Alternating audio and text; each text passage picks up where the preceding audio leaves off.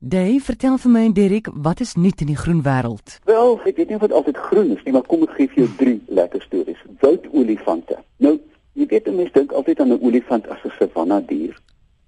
Die klassieke kreeuwiltuin stofmaker, trompetblaser, oorklapper. Maar daar's reuse bevolkingsolifante in die woude van Afrika en dit lê netlik in Kameroen, Gabon, eh, die Republiek van die Kongo en so aan DRK. Ongelukkig dis die slegte nuus. Daar was 'n 60% afname van hierdie diere in die afgelope 10 jaar. Ons staar so blind teenoor renosters. Nou ja, die goed is dit is in die nuus en dis waar, maar daar's stilweg in die woude van Afrika besig om presies dieselfde ding te gebeur met olifante. Nou, waarvoor word hulle geskiet uiteraard nie vir vleis nie, maar vir hulle tande.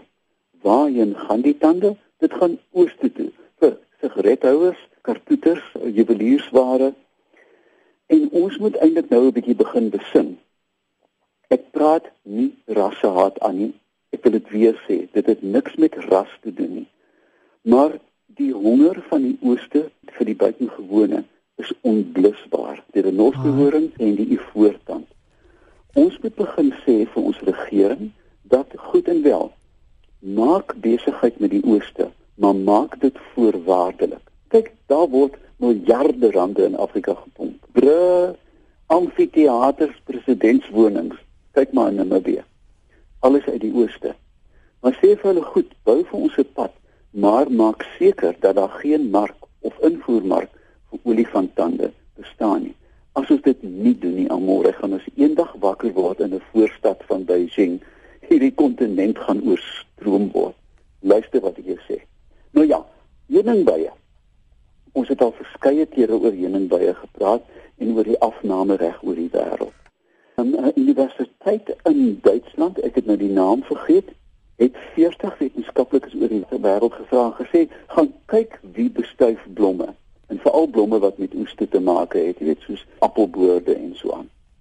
Hulle het 600 landerye besoek en uitgevind dat ruim 2/3 van bestuiving is nie deur heuningbye nie, maar deur hommels en wilde bye. Kyk daar's 'n verskil aan môre tussen 'n heuningby wat 'n mak gemaakte ding is byna en dan wilde bye. En dan bring dit ons aandag nie net op die oes wat ons goed moet behandel nie, maar ook die omgewing. Die omgewing 'n bufferstrook waarin wilde bye en kiewers kan bly. Moenie alles uitkap nie, moenie alles spuit nie want daar's stil werkertjies in die skaduwees wat eintlik die werk vir jou doen. Dis nie net alles bye nie. Laastens vir my die mees verruklike verhaal oor bye. Verlede week in die wetenskapjoernaal Science. 'n By wat vlieg, bou elektrisiteit op. Soos hy nou rond zoom, agiteer hy die lug en dan word hy nou gelaai in die orde van selfs 30 of 40 volt per by. En toe begin wetenskaplikes dink nou op wat op aarde doen dit? Hoekom het die by 'n lading? Môre en hulle begin met hulle sensitiewe metertjies kyk na individue blomme en vind uit my magtig die blomme het ook lading. Kyk 'n bietjie onder 'n mikroskoop, hy het hare op sy rug. Dis nie ware hare nie. Dis haaragtige cilia. Hierdie is klein antennes. Elke keer as die by op 'n blom gaan sit, is daar 'n klein kortsluiting en dan verander die lading van die blom. Wat maak meneer by? Hy vlieg eenvoudig by 'n blom verby met sy antennetjies, meet die lading op die blom en sê: "Aha, my broer was hier, ek hoef nie daar te gaan sit nie." Is dit nie 'n ja. stomme storie amore dat hierdie goedjies wat jy so seer steek, is gevorderde klein organismes wat op 'n afstand bepaal of die blom al besoek is.